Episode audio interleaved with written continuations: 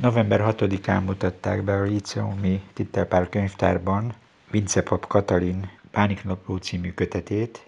Ezzel kapcsolatosan pódiumbeszélgetés is volt mentálhigiénés szakemberekkel. Az egri születésű Vince Pap Katalin először arról kérdezem, hogy technikailag mennyire nehéz ma egy kötet megjelentetése, mi mindent kell hozzá tenni, hogy abból, amit gondolatokat megfogalmazott, megjelenhessen a könyv, és eljusson azokhoz az olvasókhoz, akiknek szánta, akiknek segíteni akar.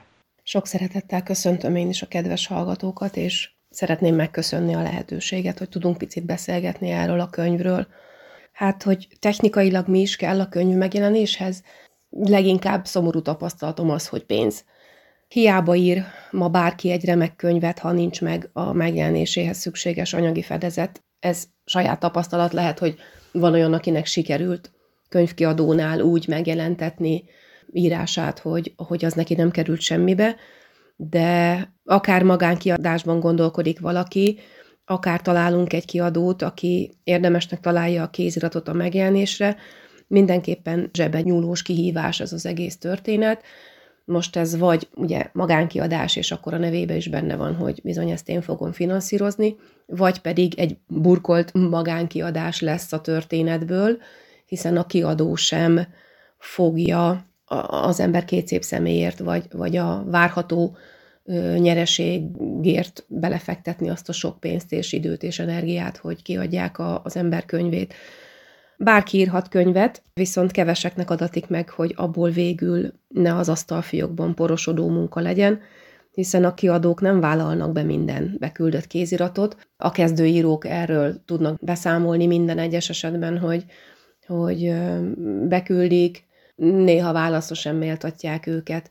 Hozzá kell tenni, nekem óriási szerencsém volt. Ebben az első kiadó, ahová beküldtem, érdemesnek tartotta arra, hogy foglalkozzon vele, úgyhogy segítettek mindenben, lektorálnak, szerkesztenek, tördelnek, grafikai munkát végeznek, mindenféle háttérmunkát, marketinget is beleértve elvégeznek gyakorlatilag helyettünk, még ugye nyilván magánkiadásban mindezeket nekünk kell ezeket megteremteni, illetve elvégezni.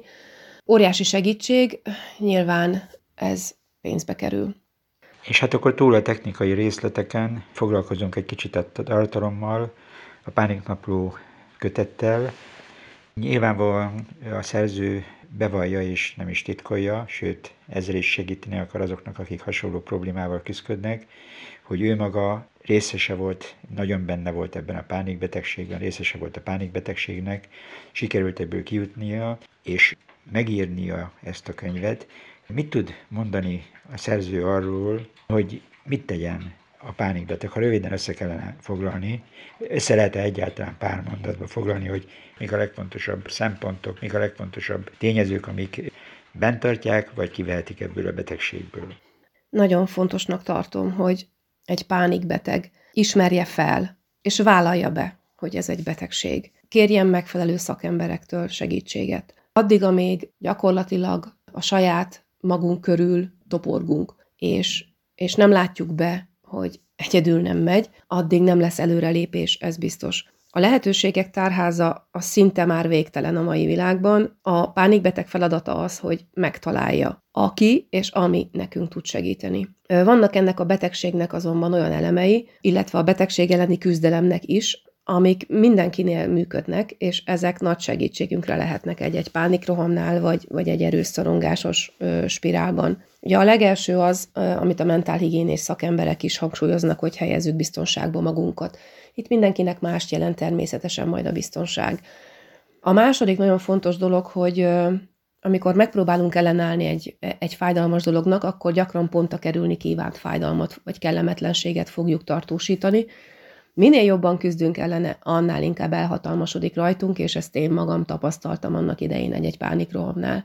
A korábban blokkolt, elnyomott tapasztalatok később ugyanis meg fognak jelenni a viselkedésünkben, vagyis, hogy honnan jöttünk, milyen utat jártunk be, az nagyban kihat arra, hogy, hogy merre, merre járunk, merre, merre megyünk. Amit nem tudtunk feloldani a múltban, az bizony hatással van a jelenünkre, és ezeket a traumákat, ezeket az elakadásokat ö, mindenképpen fel kell oldani. Hozzátenném, hogy nem az a cél, hogy eltörőjük a régit, hanem az, hogy építsünk egy, egy teljesen új, jobb újat. Ezt az új szokást újra és újra táplálnunk kell. Új gondolatok majd rétegenként egymásra tapadnak, és végül a réginél egy sokkal erősebb szokást hozunk létre. Olyan szokásokra gondolok, amelyek a komfortrendszerünket fogják aktiválni a fenyegetésrendszer helyett, Például ez a hálanapló lehet egyfajta módszer, minden nap kimondani, leírni azt a pozitívat, amit találtunk a napban. Vagy a sportolás, vagy a tudatos táplálkozás, amiket egymásra építve szintén szokássá lehet fejleszteni. Amit én nagyon fontosnak tartok még, és tanácsolok a pánikbetegeknek, hogy ne féljünk a félelemtől, hiszen nagyon sok esetben ez visz bennünket nagyon mélyre ebben a betegségben, hogy, hogy mindig van egy félelem a félelemtől, hogy mikor jön újra, mikor támad megint a szorongás.